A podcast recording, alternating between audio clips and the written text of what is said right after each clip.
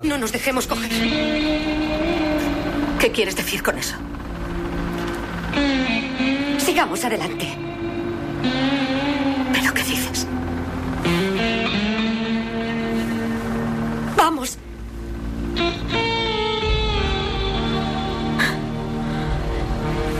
¿Estás segura?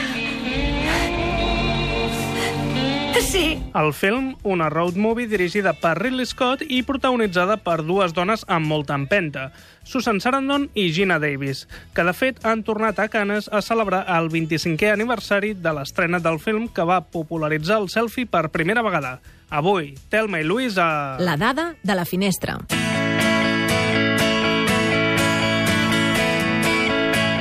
L'estrena a Espanya va ser al Festival de Valladolid. Encara recorden com ningú va fer ni cas a un jove secundari que apareixia a la pel·lícula. Era un tal Brad Pitt, pel que sembla. Ridley Scott estava segur que Gina Davis demanaria una doble de cos per les escenes de sexe amb Brad Pitt, precisament. De manera que va començar a fer càstings. Quan Gina Davis se'n va donar, li va dir que no calia, que ja ho faria ella mateixa.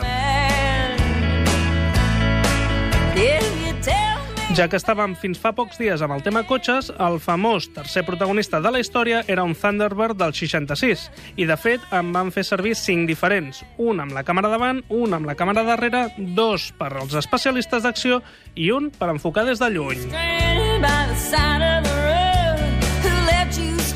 Van tenir molts problemes per rodar l'escena final, per al tipus de llum que volien i per haver-ho de fer abans de que els turistes enveixin el canó de Colorado. Només disposaven de 45 minuts per rodar. A Ridley Scott li va agradar tant la banda sonora que va composar Hans Zimmer que va fer dissenyar uns crèdits d'inici que no estaven planejats perquè es pogués escoltar.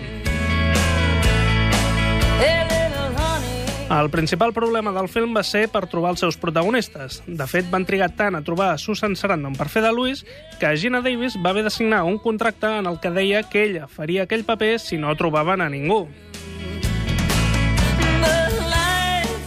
El ball de noms va ser espectacular. En un primer moment van estar a punt de ser Meryl Streep i Goldie Hawn, que buscaven un projecte per aparèixer juntes. Finalment es van decantar per La muerte os sienta también, en lloc d'aquesta.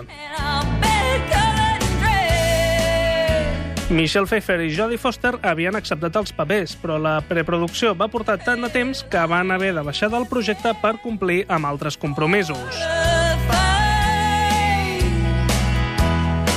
Curiosament, Sarandon i Davis van perdre l'Oscar a la millor actriu al coincidir amb Jodie Foster per El silenci dels anyells i Ridley Scott el de millor director contra Jonathan Demme també per aquella pel·lícula. Anys més tard, Scott va dirigir la segona part, Aníbal.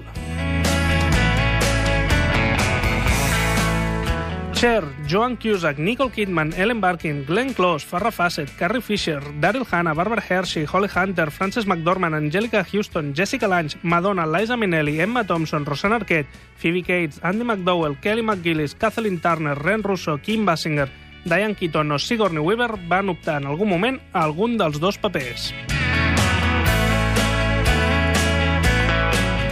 Johnny Depp, Tom Cruise, Sean Penn, Kevin Bacon i Alec Baldwin van ser alguns dels objectius per interpretar el paper de Brad Pitt.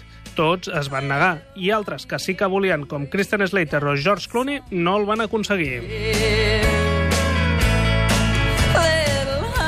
Ridley Scott es va inspirar en Males Tierres de Terrence Malick pel look visual del seu film. I, curiosament, la cantant Tori Amos ens va inspirar en Thelma i Louise per escriure la seva cançó Me and the Gun. Atents perquè ara venen uns spoilers enormes sobre l'escena final. Si no l'heu vista i la voleu veure, baixeu el volum, però ja.